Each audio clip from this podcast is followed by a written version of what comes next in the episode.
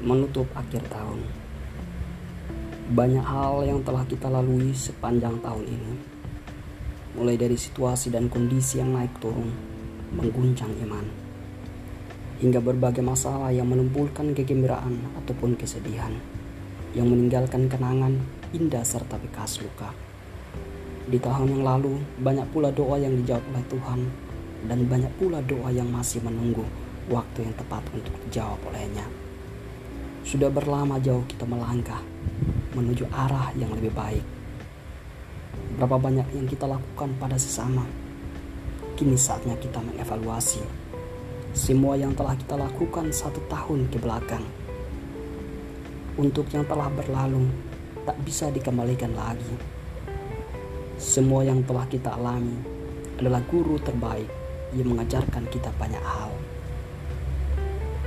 Kenangan setiap perjalanan dan proses yang telah kita lewati merupakan pelajaran yang berharga. Semua itu tak bisa lepas dari campur tangan Tuhan sebagai bukti kasihnya di dalam hidup kita. Oleh karena itu, biarlah semua itu menjadi penguat iman dan pengharapan kita dalam menyambut tahun yang baru. Mari bersihkan hari dan lepaskan hal-hal yang menyakitkan, kekecewaan, kegagalan, permusuhan, dan lain sebagainya hendaklah kita senantiasa saling mengampuni seperti Allah telah mengampuni kita terlebih dahulu.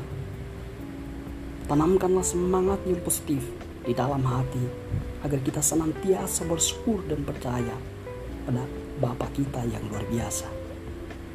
Simpanlah kenangan indah yang sudah kita alami selama ini agar dapat dikenang sepanjang hari. Tutuplah tahun ini dengan sukacita dan damai di dalam hati.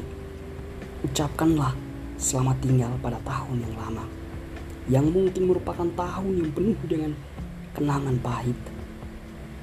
Persiapkanlah hati, dan hidup kita telah menyambut tahun yang baru, tahun yang lebih banyak sukacita dan harapan.